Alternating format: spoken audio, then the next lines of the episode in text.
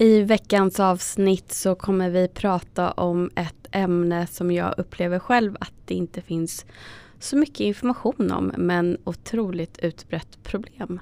Nämligen så kallat love addiction eller kärleksberoende. Och till min hjälp så välkomnar jag tillbaka Bea och Theo från Training for Love.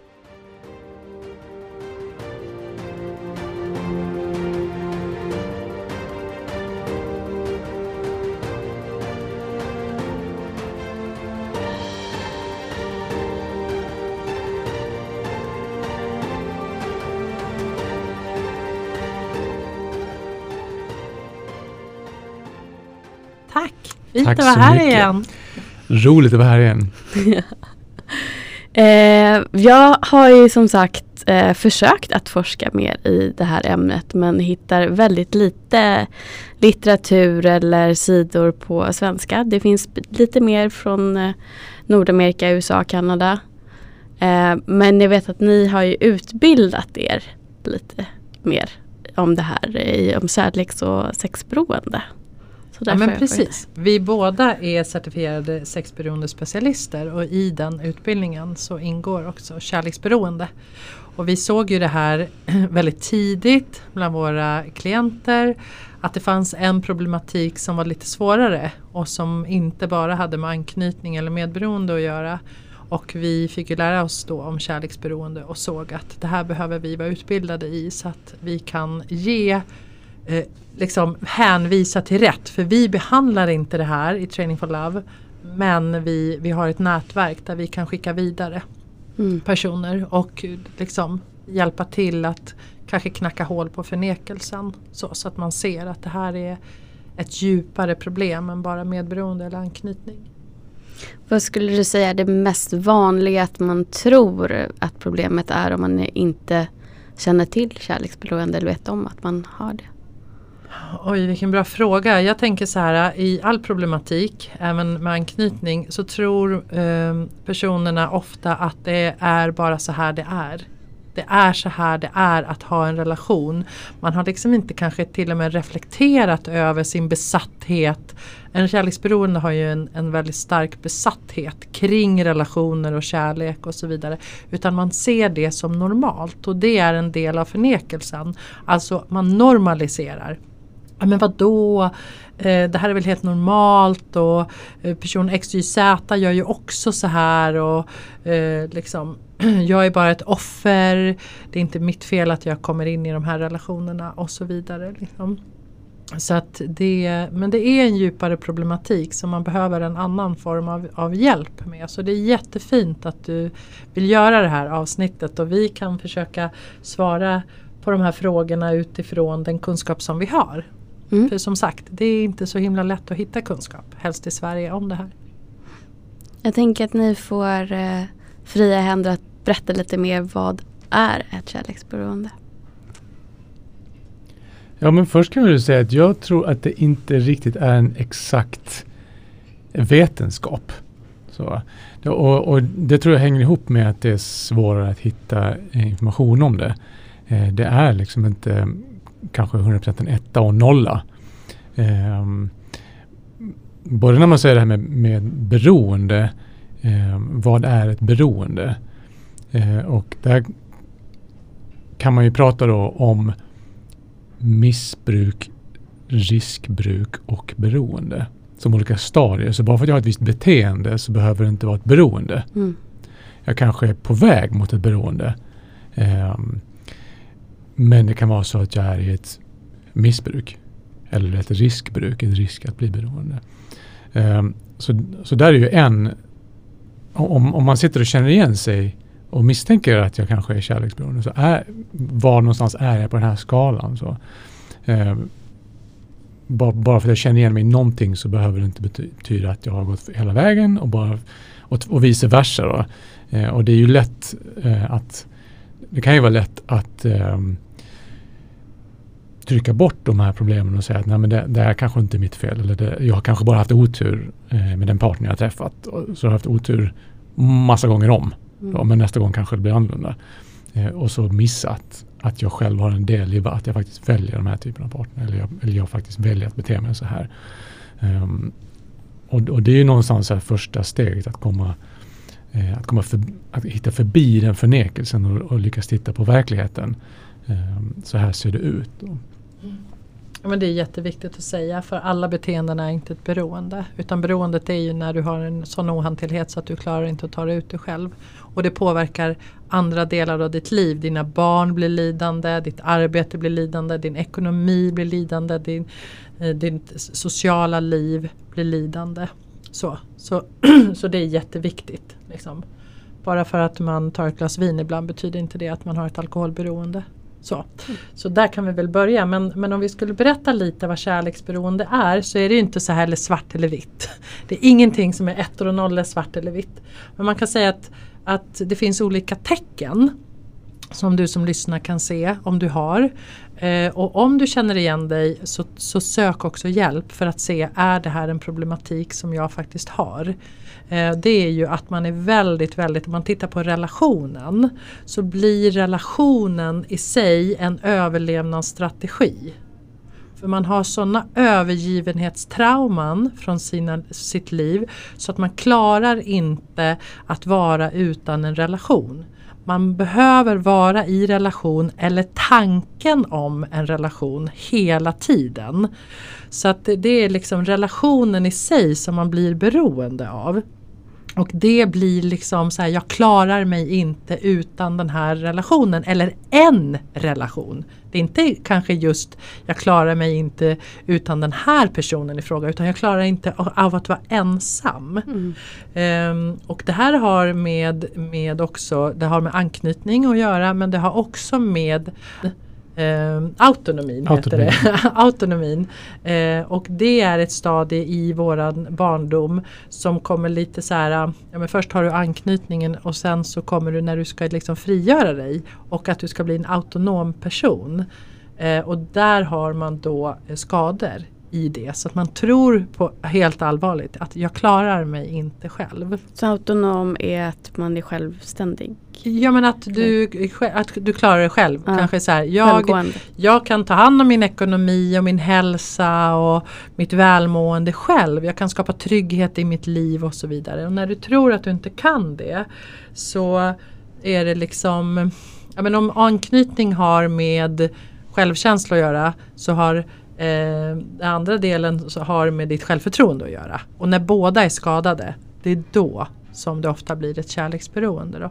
Mm. Så just den här eh, obsession på engelska om, i, om relationer. Besattheten. Mm, precis.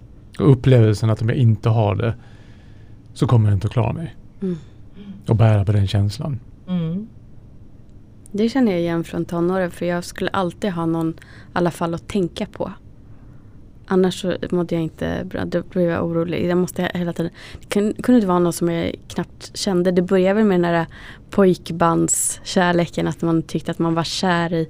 Ja, för min del var då Jordan Knight i New Kids on the Block. Och att det sen blev ja, visserligen killar som kanske gick i samma skola men de var lite äldre. Så att de ändå fortsatt onårbara men jag hade, levde i den här fantasivärlden att hela tiden ha någon som jag var kär eller förälskad i, vad jag nu kallade det. Det, det känns som det var en början till Exakt. sånt här. Mm. Jag tror att fantasier, som du sätter fingret på där, eh, är något som kan spela en, eh, en stor roll. Just det här. Att det kan bli som att använda fantasin, eh, nästan som att använda fantasin för att klara av verkligheten. Mm. Så att och det, och det kan ju vara normalt att fantisera.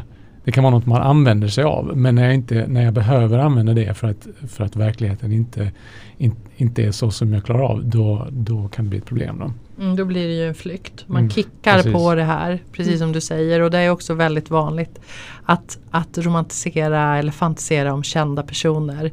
Man kan börja se sig själv och bara den här personen skulle träffa mig och vi skulle ha det så himla bra ihop och då skulle mitt liv se ut så här och, och så vidare. Liksom.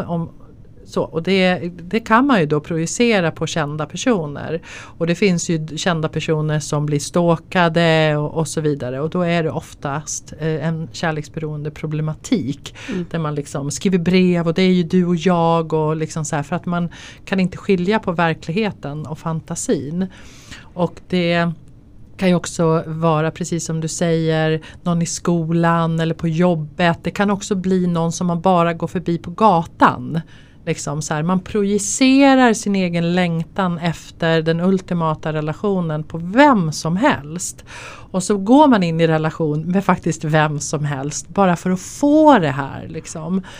Och... Um, så det kan ju vara att jag går på Drottninggatan här i Stockholm om jag är kärleksberoende och då söker jag bekräftelse hos andra. Vad tycker de om mig? Hur ser det här ut? Och kolla, kolla han kollar på mig och han är säkert intresserad eller, eller så. Så att det blir liksom en enorm tankemässig upptagenhet och det här tar ju väldigt, väldigt mycket energi. Mm.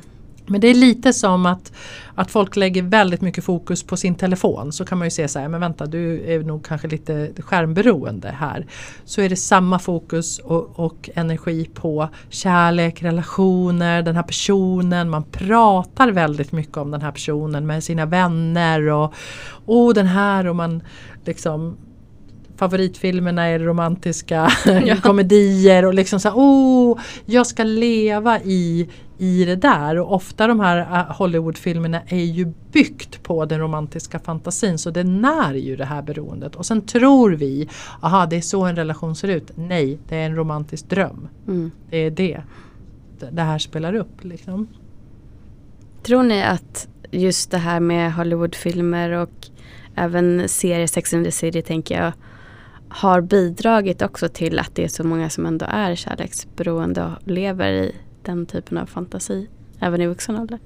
Jag vet inte om det har bidragit men det kanske bidrar till förnekelsen. Mm. Att det här är ju normalt. Mm. Just det, normaliseringen. Mm. Så, så hjälper det ju till att att hålla människor i, i liksom att inte till, kunna tillfriskna. Då från det här. För om man tittar på det här och, och omslagen i våra skvallertidningar eller mm. lyssnar på romantiska låtar så handlar de om den här formen av kärlek. Liksom. Men vad säger att de som skrev den där låten eller gjorde den där filmen har ett hälsosamt kärleksliv? Mm. Och sen är det det vi mäter oss mot. Och oftast i våran tonår så är det där vi får våran kärleksutbildning. Liksom. Ja. Och, så, och så bidrar det, det gör oss inte kärleksberoende men jag tror att det bidrar till bilden av att det här är normalt. Men vadå, mm. det är ju så här det ska se ut och happily ever after och kärlek vid första ögonkastet. Det är ju också en sån sak som en kärleksberoende gärna vill tro på. Jag har hittat min soulmate mm. och jag har hittat min soulmate igen. Mm. Och, och igen! det är liksom yeah. Det fanns många soulmates där ute och och det är liksom, man vill gärna redan på första dejten liksom börja planera hur vi ska bo ihop och hur många barn vi ska ha och liksom så att det går alldeles för fort. Det blir alldeles för extremt. Liksom. Mm. Så. Jag tänker det kanske är då snarare så att precis som med de som har problem till exempel med alkohol eller eh, marijuana att det återkommer ju väldigt mycket romantisering just kring alkohol och marijuana i amerikanska filmer. Och att man då rättfärdigar att man själv brukar på samma sätt som att då en kärleksberoende rättfärdigar att de brukar eh, kärleks, för att kärleksfilmerna och serierna visar att det är så här det ska vara. Ja, precis. Exakt. Jag tror att med, med vilket eh, med vilken man skulle säga, substans då. Mm. Om det så är liksom några fysiska substanser eller, eller några inre substanser. Då, och, och vilka, det här ju, har att göra med signalsubstanser då, som, som eh, kickar igång i oss. Då. Serotonin, oxytocin mycket i, i det här mm. fallet. Då. Eh, som jag liksom går igång på. Eh, så, så tror jag att eh, oavsett vilken det, det handlar om så så, ha, så bygga upp ett sätt att säga, försvara det. Mm. Genom att så här, idealisera det eller normalisera det eller eh, trycka bort de negativa konsekvenserna av det. Mm. Eh, på, på, olika vis kan jag göra det. Eh, så precis som du säger, det, det, är det är vanligt att göra det och jag tror att det är också en eh, jag menar, förnekelse om man skulle kalla det för, för det. Och det är också en, det är ju en, en um, på ett sätt så är det en nödvändig del av oss att kunna, att kunna fokusera på de grejer som funkar och förneka bort det som inte funkar. Så vi mm. behöver den mekanismen men när det, i de här fallen så går det till en sån eh, extrem så att vi inte så att det inte tjänar det bästa mm. syftet för oss. Ja och jag tänker också att när man då har blivit beroende av de här kickarna som man får så vill man ju hela tiden ha nästa kick. Och där är det också farliga för att i förnekelsen så kan man ju också, och i filmer och romantisering av vad kärlek innebär och vad kärlek är, så kan det också vara så att man tror att man ska, att lidande är en del av kärleken. Att bara jag genomgår det här lidandet för min partner är X, Y, Z eh, så kommer vi ändå sluta happily ever after för det är så det ska vara. Och bara jag anpassar mig och bara jag gör det här så kommer jag få nästa kick. För att han kommer vara snäll igen. Att man hamnar ofta i dysfunktionella och destruktiva relationer. För att man hela tiden får de här kickarna och sen blandas de då också med de här perioderna av ångest och eh, stresshormon istället. Men att man på något sätt accepterar det för att det är bara en stund och sen kommer nästa kick ändå. Man, man har hela tiden fokus på att jag kommer få nästa kick, jag kommer få nästa kick. Mm. Men precis, och man kan ju få den här kicken av den här förälskelsekänslan. Så i kärleksberoendet så ingår ju också den här liksom förälskelsekicken. Liksom man söker förälskelsekickar vilket innebär att man kan ha många korta relationer för att så fort den här förälskelsekänslan försvinner så behöver man få den dosen igen. Mm. Och så avslutar man och så går man tillbaka och så hittar man en förälskelsekick liksom igen och igen och igen. Så det är ju också en av problematikerna som man kan ha när man har ett kärleksberoende, den här förälskelseberoendet. Då att den här känslan, fjärilarna i magen och oh, var helt uppslukad och så vidare. Men det är ju också så att de här fjärilarna i magen är också otrygghet, eh, oro, ångest och så vidare som vi förknippar med förälskelse. För det är liksom, oh, vill han ha mig, vill han ha mig, vill han ha mig? Eh, så, så är det liksom Ja men det är ju en dynamik som vi hela tiden söker extremt undvikande personer att ha relationer med när du har ett kärleksberoende. Det kan vara gifta personer, det kan vara personer med beroenden eller narcissistiska personer eller så. De är liksom de är inte där för dig. Och, och ju mer de inte är där för dig desto mer jagar du för att få den här bekräftelsen av ditt eget värde. Liksom. Yeah. Och vilket skapar enormt mycket lidande. Och då är det lätt att tro på det här lidandet och att du inte är värd någonting annat. Men det är inte sant. Det här lidandet är ett tecken på att det en, finns en väldigt stor dysfunktion i relationen. Och ofta precis som du sa Theo, det här med fantasi. När man befinner sig då i en sån relation med en partner som faktiskt också inte vill växa med dig eller utvecklas med dig, då börjar man använda fantasin för att fly ifrån den här relationen så att man blir beroende av fantasin i sig. Så ju sämre relationen blir desto mer tar man till fantasin. Bara vi gör det här, bara vi gör det här och då när vi flyttar till det där huset och då när vi får barn, då, då, det kommer att bli bra då någon annanstans. Men relationer sker här och nu. Så. Så att det är också ett tecken på att stanna kvar i en relation som inte är bra och där man har en partner som inte vill dra sitt strå till stacken. Att det faktiskt blir bra. Det är ett, det är ett tecken. Mm. Och det är bra också om man har lyssnat på vårt förra avsnitt där det var så tydligt också det arbete som ni har gjort. Att om det är till exempel att man är undvikande eller att man är ambivalent och har en partner som inte vill jobba på sin anknytning versus då ha någon som vill jobba på sin anknytning och faktiskt vill växa tillsammans.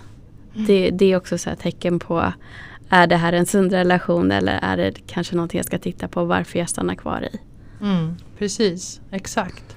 Visst, i det här fallet om, om det finns beroenden i en, i en relation så blir det ju väldigt svårt för det blir ju väldigt svårt att, att komma ut ur de här mönstren ifall man inte tar tag Mm. i, i de problematikerna, Mm. i beroendena. Skulle säga omöjligt.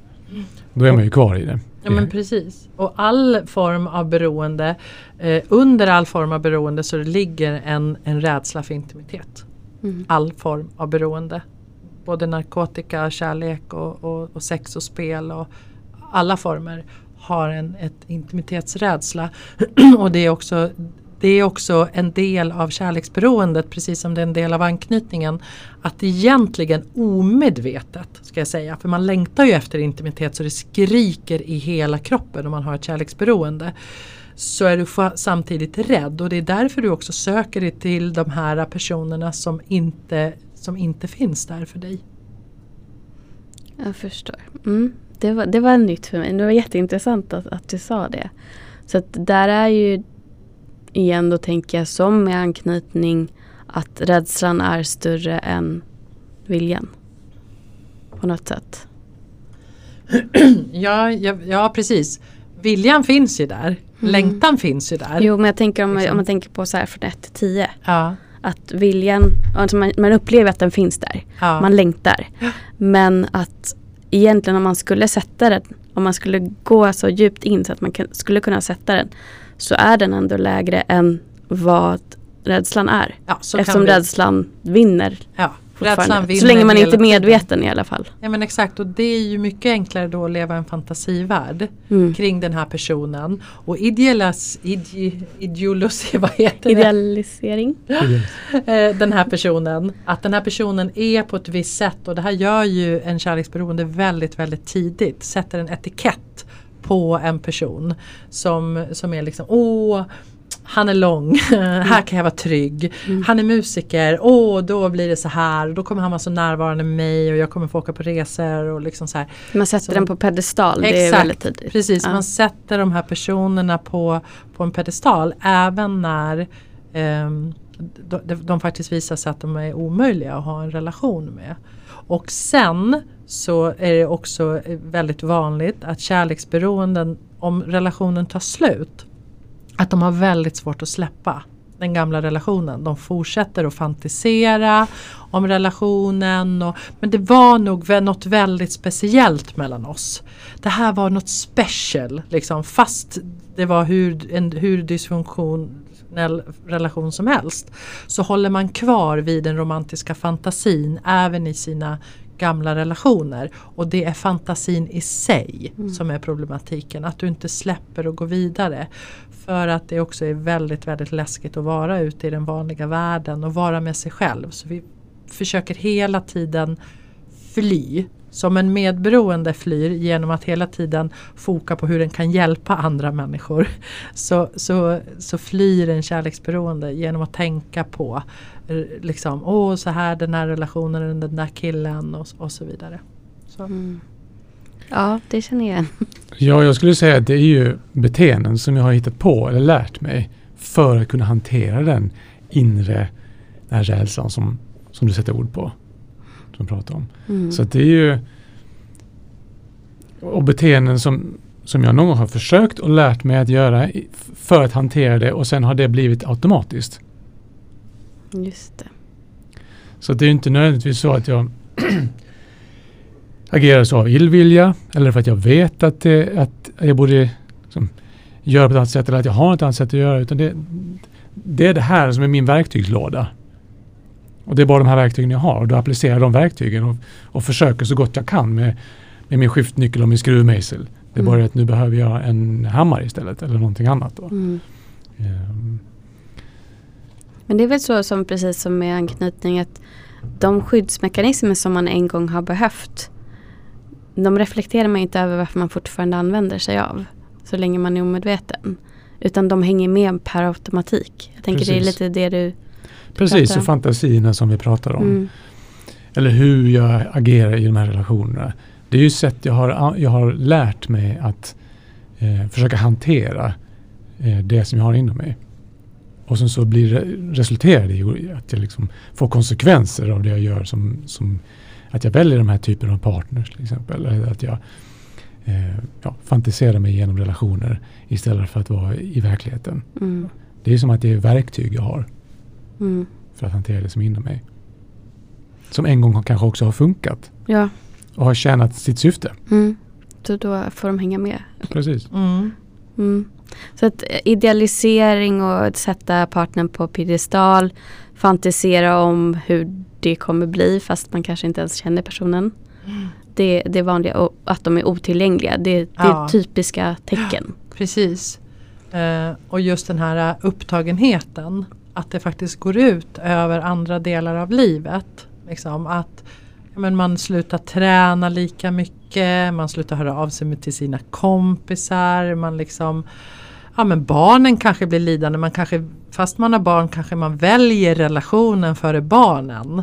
Liksom, Okej jag stannar i en dysfunktionell relation som jag vet inte är bra för mig. Där jag inte mår bra. Fast barnen blir lidande, min ekonomi blir lidande, min hälsa blir lidande. Och eh, Så det är ju också kriterier, just den här konstanta upptagenheten. Om jag tar ett exempel så om man har ett matberoende så älskar man att läsa matbloggar och eh, kokböcker. Och har man ett sexberoende så vill man kanske mer liksom läsa porr och, Mm. och liksom sånt som har med sex och nakenhet att göra. Och har man ett kärleksberoende så är det romantiska noveller och, liksom, och man vill vara i den världen för det är gott att vara där. Mm. Liksom. Ehm, så att man, man får väl titta på, liksom, du som lyssnar och, och, och på något sätt känner att så här, ja, men vänta, det här med relationer det är någonting som inte har funkat i mitt liv. Det har aldrig funkat i mitt liv. Hur ser egentligen min relationshistoria ut? Det är väl liksom, där började ju eh, jag och Theo också med våran anknytningsproblematik. Så här. Men vänta, eh, nu har, går vi in i en ny relation. Det upprepas mönster. Kanske vi ska titta i backspegeln och se hur vår relationshistoria ser ut. Och Det kan du ju göra på ett kärleksberoende också. Har det här gått ut över min hälsa? Och med hälsa så använder ju vi Världshälsoorganisationens definition av hälsa. Och det är fullständigt välmående fysiskt, psykiskt och socialt. Mm. Och ofta så mår man inte bra på någon av dem Mm. faktiskt. När man går in för att man uppslukas så mycket av, av relationen eller tanken på en relation. Det här kan ju också vara till exempel att eh, de som eh, nätdejtar eller appdejtar med Tinder och så vidare blir helt uppslukade. Det är liksom så här, men jag ska bara titta fem minuter om dagen eller läsa och sen är det timmar och man liksom det får ta så en enormt stor plats i ens liv. Så här, oproportionerligt stor plats. Liksom. Jag känner igen det också och jag tänker framförallt på jag vet inte om det är ett eller två år sedan eller ett och ett halvt, ja, ett och ett halvt, två år sedan skulle jag säga. Då tror jag att jag var väldigt mycket i, mitt kärleksberoende. För att, och det är ett återkommande mönster men jag minns att det var så tydligt för det var någon som påpekade det för mig.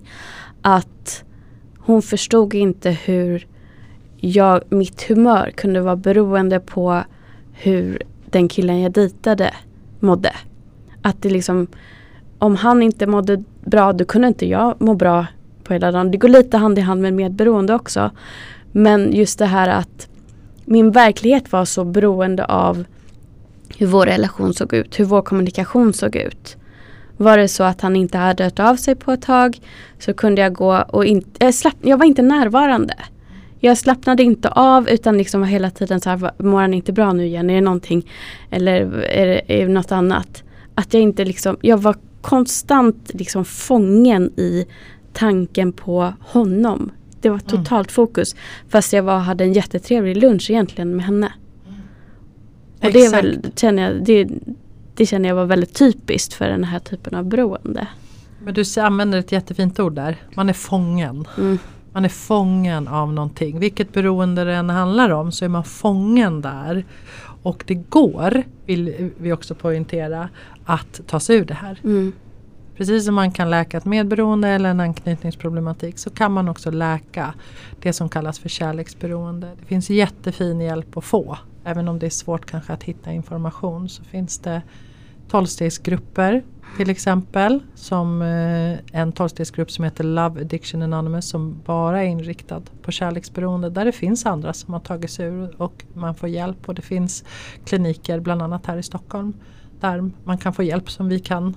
Vi kan ju länka till dem i, Absolut. i, din, Mm. i din podd också. Så ni kan hitta dit till de Mm. rätta.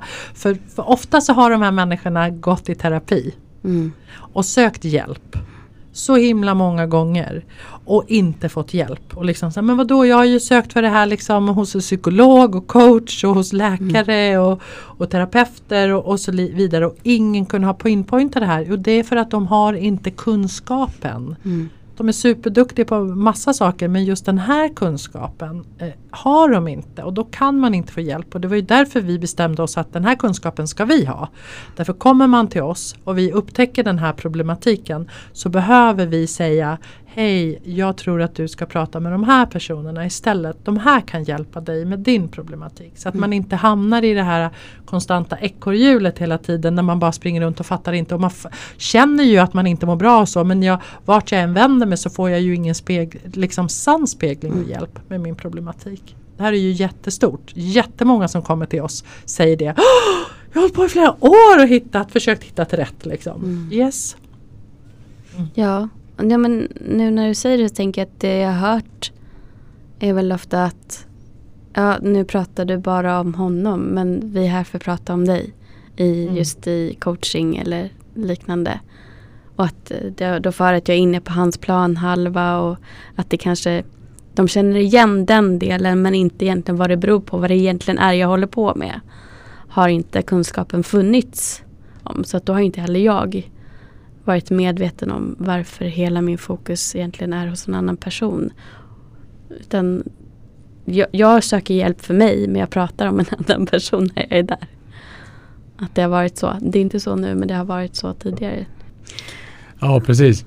Det, det är också svårt att... Eh, det kan också vara svårt att hitta dit. När Mm. man inte, när man inte liksom... Som du säger Bea, sätter, sätter huvudet på spiken. Sätter fokus på det. Mm. Mhm, det. Det är dit vi måste gå. Det är där vi måste titta på. Det är den, det mönstret och de mönster som hänger ihop med det. Mm. Så. Man kanske ska fråga då lite mer, jag vet inte vad ni brukar fråga men jag tänker just det, det du beskrev att det ofta börjar tidigt. Att så här, hur har det sett ut att man går tillbaka? Hur har dina relationer sett ut? Hur, har du, hur ser du på kärlek och vad, vad är kärlek för dig? Mm. Mm. Att titta på sin historia är jätteviktigt. Att kanske göra en tidslinje. Mm. Ser jag några återkommande mönster? Och sen titta så här. Varför stannar jag kvar i en relation som inte är hälsosam för mig? Mm. Med en person som uppenbarligen inte vill göra den här resan tillsammans. Vad är det som gör? Och då kan man ju känna sig helt maktlös. Att säga men jag kan inte lämna den här relationen. Det är en varningssignal. Mm. Man tror inte att man klarar sig utan relationen. Det är ett, en, en, tecken på kärleksberoende. Ett av dem. Ja, jag upplevde som igen det här ordet att jag var fången. Jag ville ur. För jag, jag mådde ju inte bra där. Men det var som att det gick inte. Och nu förstår jag att det var beroendet som, som var så starkt i mig. Att det var det som gjorde att jag inte klarade av att ta mig ur förrän jag hade jobbat på så mycket annat inom mig som gjorde att jag bara inte längre ville vara där. Det blev verkligen, för mig var det svartvitt. Det var som att när jag var som mest i det då var det som att jag hade inte någon kontroll själv. Det gick inte att ta sig ur. Det var som att, ja nu, nu kan jag nog nästan säga att det var som var, var drogberoende. Att det var som att någon annan kraft hade makten över mig. Medan när jag på något sätt hade avgiftat mig eh, och såg mig med mer öppna ögon så var det som att det, det fanns ingenting i mig som ville vara kvar där längre. Och det är verkligen svart och vitt och jag har inte varit med om sådana kontraster förut. Men jag ser ju vad som ledde dit och det har ju enbart att göra med att jag gick i terapi, inte på grund av det här men det har ändå hjälpt mig. Att jag stärkte tryggheten i mig själv, eh, stärkte självkärleken och hur jag såg mitt värde. Framförallt. Så det, det går ju uppenbarligen att göra men inte själv. Nej men precis, jag tror att man behöver hjälp. Och jag tänker något, något av det snabbaste och effektivaste tror jag också är att gå till en klinik som, som är specialiserad på det här. Mm. Och säga, ja men be om ett inledande samtal eller någonting. Eller säga, okay, kan, kan vi göra någon form av utvärdering av mig här? Så, aha, jag, då får man ju svart på vitt, bara, ja Mm. eller nej. Liksom. Eller vi tror att det är så här och vi har något som kan hjälpa det eller inte. Så, det, det tror jag är en effektiv metod för att, för att om, man, om, man, om man undrar och tycker det är svårt att, att ta reda på det själv, i sig själv. För det är, jag tror också att det är så att ofta man ska göra det helt själv så är det lätt att man att det blir att sitta och nästan som att spela schack med sin egen förnekelse. Mm. Så, Verkligen. ja, fast om jag tittar på på det där hållet och nej men då är det nog inte så. För att, ja, fast om jag tittar på det där hållet. Och så, och så blir det liksom, mm, som en liksom intern förhandling nästan. Ja, ja, ja. Och då, då, då och det kan man ju, det kan man säkert hitta framåt på något sätt också. Men jag tror att det mest effektiva där är att ta hjälp av någon som, som, som verkligen kan. Alltså, Mm. ja, okej. Om vi går igenom de här frågorna och jag får en intervju med dig eller något liknande så kan vi med ganska stor säkerhet säga kan vi hjälpa dig med den här um, ur det här perspektivet eller behöver vi ett annat perspektiv? Mm. Så. Jag tror att det, det som skrämmer folk just när vi säger att det är kärleksberoende det är ju fortfarande stigman kring beroende generellt. Att ska jag säga att jag är kärleksberoende och det kände jag själv också att det, det har varit svårt att ens uttala. Ehm, därför att det känns som att då sållar jag mig också till jag skulle kunna kanske lika gärna vara beroende då av andra substanser. Mm. Att det blir som att jag är där också. Ehm, men återigen som, som också vi har tagit upp ett avsnitt om eh, drogberoende och riskbruk. Det som du sa tidigare det här med att det också finns olika nivåer. Att det, det kan vara att man är i ett riskbruk och sen missbruk och, och så vidare. Där har jag ändå det, känt att personligen så kanske jag har varit i ett extremt riskbruk men på något sätt så, och det har varit likadant med med alkohol eller någonting. Det är någonting som gör att jag inte tar steget över till vad Mattias Voltaire pratade om att han gör. Att, eh, att det är 110 procent för en, en beroende personlighet. Det finns inget annat. Och jag kanske stannar på 95 på något sätt. Men att det är väldigt, väldigt nära och jag behöver vara medveten om det. Och jag behöver ta den hjälpen som jag också har tagit. Um, och just att vi skapar mer medvetenhet om det och kan börja prata om alla typer av beroende men framförallt det här som det finns så lite kunskap om Mm. kommer ju också hjälpa till att vi pratar vi mer om det så kommer det bli lättare och, och krossa stigma och också ta hjälpen. Och det där är så himla viktigt att du säger det och jag är så glad att du tar upp sådana här ämnen i den här podden. För att det handlar om igenkänning och att slå hål på skammen. Ja. Eh, och, och då är det så här. Nu börjar människor bli medvetna om anknytning och anknytningsproblematik. Så nu vågar människor prata om sin anknytning och liksom ah, komma ut. Det, det är inte så skamfyllt längre för vad då 50% och så som det var för kanske 10 år sedan. Mm. Så. Och men, men fortfarande så finns det väldigt mycket skam kring kärleksberoende. Så med mina klienter så kan eh, liksom vissa t- tar flera år. Mm. Vissa har gått kurser och gjort saker med oss och vi vet att de är kärleksberoende från början. Och vi kanske försöker picka hål på den förnekelsen på olika sätt. Liksom. Och, och skulle vi säga så här, men tror att du är kärleksberoende från första, då springer de. Bara, Nej, inte! Jag är inte kärleksberoende för att det är som att man säger åt dem att de har någon pestsjukdom. Liksom. Så här, Nej, det här är bara en annan form av problematik. Det finns ingen skam men du behöver få hjälp. Liksom. Så ofta så kan det vara så i vissa fall då har vi fått gått runt katten som het gröt Mm. och bara vänta in och vänta in den här personen liksom, och petat den i olika riktningar. Så att det, det är också viktigt att den själv får liksom att den får ramla ner i kroppen så här, men shit jag är ju kärleksberoende. Kanske att gå på tolvstegsmöten några gånger och börja känna igen sig och så vidare. Men i förnekelse så ingår det att inte vilja gå dit. Mm. Nej, det är inget fel på mig. För vad skulle folk säga och vad händer med mina relationer Mm. sen i framtiden? Om folk får veta att jag är kärleksberoende då kanske jag inte ens kan ha en relation. Och det är ju det man är beroende av så därför vill man slå bort det här. Liksom. Mm. Men, men jag tänker också att det är viktigt att säga just det här med beroende. Att det finns också ett tecken på att man har ett beroende. Det är att man har en abstinens. När man inte eh, utför sitt beroende.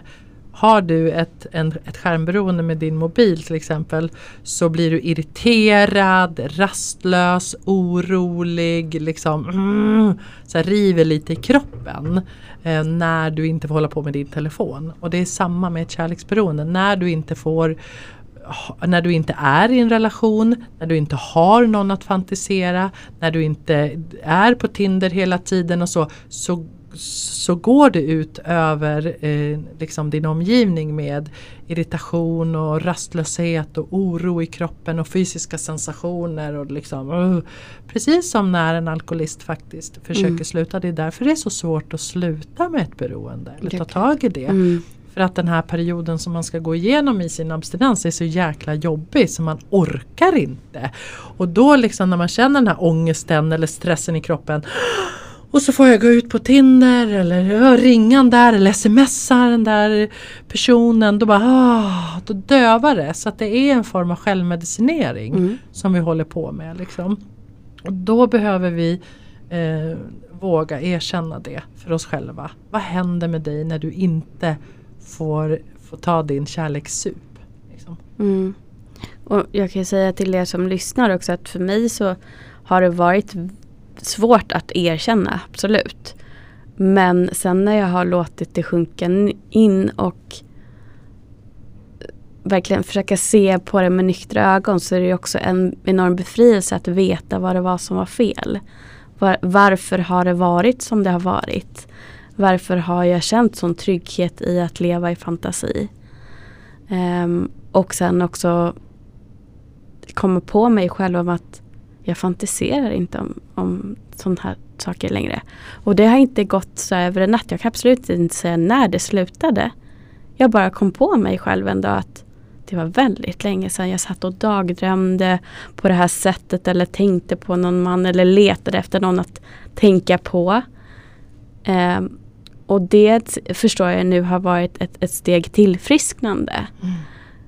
Men just att det faktiskt också är befriande att förstå vad det är som är problemet och sen hitta en ny befrielse i att du har blivit friskare. Så att kunskap om vad du är beroende av eller vad din, din problematik är behöver ju inte alltid vara skuldbelagd heller. Det kan också vara befriande. Mycket, det är väldigt befriande att ta sig ur beroenden. Det Mm. är ju, man är kidnappad Mm. av sitt beroende. Du lever inte ett fritt och kärleksfullt liv. Och alla människor är värd att uppleva en hälsosam relation där man mår bättre fysiskt, psykiskt och socialt. Eh, det är liksom alla kan gå dit och precis så jag tycker att du säger det så himla fint att när du börjar läka så var du inte längre intresserad av den här formen av relationer för det är det som händer. Jag brukar säga så här, vi levlar upp som om det vore ett tv-spel. Mm. Liksom. Vi levlar upp Mm. och så kommer vi till nivå tre Ja. och då är de här äh, personerna som också äh, liksom blir attraherade av vårt kärleksberoende de är inte intressanta för oss längre. För då börjar vi söka oss efter mer tryggare relationer och där vi får näring och där vi får känna oss liksom sedda och, och så på Mm. riktigt. Så att det är verkligen att levla upp, att läka. Så att Ja. det finns Lyssnar du på det här och liksom på något sätt säger ja men gud det här kanske stämmer så vill jag bara säga allting kan bara bli bättre. Mm. Glädje, mer frihet, mer kärlek, mer självkärlek. För det är ju också någonting som en beroende person eh, eller en person med kärleksberoende har väldigt låg självkänsla. Ja, och just att man precis. tror inte att man klarar sig själv. Mm. Du klarar dig själv.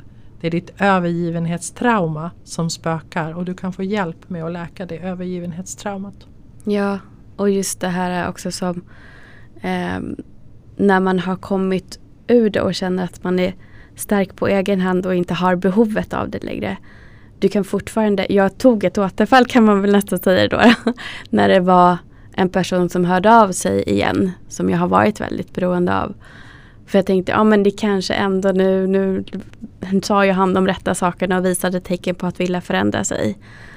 Men det var som att jag bara gick in med ena foten och stod där och sen så tänkte jag mycket, du sa en sak till mig i, för ja, det var ett tag innan, kanske ett halvår tidigare, där du också sa Tänk på hur dina vänner, hur du ville dina vänner behandla dig. Och gå efter det. Om ett beteende inte är okej för en vän, varför ska det vara okej att en kille gör så? Och jag var kanske inte jättemottaglig när du sa det då. Men det fastnade där. Och det hjälpte mig ändå att komma ur det därför att det var inte okej. Och det var inte okej heller på det sättet som han betedde sig om han hade varit bara en vän. Så att jag kom ändå någonstans där till fram till att nej men jag vill inte det här längre. Och sen så tog det slut och sen efter ett tag så kom han tillbaka och så tog jag ett återfall. Men det var lättare att också sen bryta mig loss totalt för att jag kände att nej men jag vill verkligen inte det här längre. Det är inte värt det och det var ingen fantasi längre utan det var bara så här, nu, nu ser jag svart på vitt. Så här, vad gör han? Matchar ord och handling? Nej, inte alls. Det blev så glasklart att se det med andra ögon på något sätt. Och då kunna bryta det beteendet också från min sida. Grattis! Ja, tack! Vilken fin resa du har gjort, verkligen. Mm. Ja, men jag vill bara säga att du har en del i det. Oh, härligt! det, det, det, är jag glad för. Ja. Vart vi än kan hjälpa så är vi jätteglada för det, verkligen. För det är, det är svårt och särskilt om man är i vår ålder 40 plus och har levt så här långt långt, alltså jag vet inte, för mig jag började bli förälskad i killar redan på dagis. Liksom. Så det har ju varit ett lång, lång tid som jag har byggt upp ett kärleksberoende som har varit i totalt omedvetenhet till lite mer, lite mer. Eh, men just allt som du har sagt idag också är verkligen så bra exempel som jag tror väldigt många känner igen sig i och också det som du har sagt Theo. Och förhoppningsvis så att jag delar lite grann att många känner igen sig i det. Så att det ändå kan bli fler som vågar ens tänka tanken att jag är kärleksberoende. Mm. Jag tänker också att det finns några böcker som har hjälpt eh, oss och våra klienter som vi hade på vår utbildning också som mm. vi också kan lägga ut i dina Instagram-kanaler. Så att läs, skaffa mer kunskap. Precis som med allting annat så är det en jättenyckel att börja liksom slå hål på sin egen förnekelse. Att säga oj, det här är faktiskt en problematik som är på riktigt för mig och mm. det finns ingen skam i det. Ta hjälp, det finns jättebra hjälp. Precis och eh, jag kan säga att hade jag vetat om det här tidigare så hade jag tagit ditt råd till och också sökt hjälp av just de som specialiserat sig på det här. Um, så att vi ska absolut länka till både böcker, kliniker och uh, ja, allt material som kan hjälpa er som vill läsa på och sen ta det i, i er egen takt. Vad ni är redo vart ni är just nu. Och är det så att ni kanske bara vill prata mer om det och slänga iväg ett meddelande till någon av oss så har vi också Instagram eh, training.for.love. Så? Eller bakom fasaden podden. Mm. Så att jag länkar allting i beskrivningen till det här avsnittet. Precis. Och vill man få tag i oss så kan man bara gå in på vår hemsida också, mm. trainingforlove.com. Så finns våra kontaktuppgifter och man kan boka samtal och så om det känns tryggt och kanske börja där. Så är man välkommen att göra det. Verkligen. Och jättegärna också lyssna på vårt andra avsnitt som vi gjorde tidigare och också de avsnitten som jag och Bea har gjort. Eh, vi har också gjort avsnitt som är väldigt populära om eh, medberoende, framförallt då känslomässigt medberoende. Och eh, Theo och Bea har hjälpt mig att prata mer om relationen mellan en undvikande och en an ambivalent anknytning. Eh, två personer som har de anknytningarna. Vi har också gjort en Q&A jag och Bea om det här och eh, det har tusen, tusentals lyssningar redan men det fortsätt dela och lyssna för att eh, ju mer medvetna vi blir desto mer kan vi hjälpa oss själva. Och eh, tack så jättemycket att ni har varit här och hjälpt mig att hjälpa andra och hjälpt mig själv också. Mm, tack, tack för att du hjälper. Mm. Tack för det du gör och jättefint att komma hit igen. Härligt. Tack. Tack. Då får vi önska alla en jättefin dag och eh, tills vi hörs igen, ta hand om dig.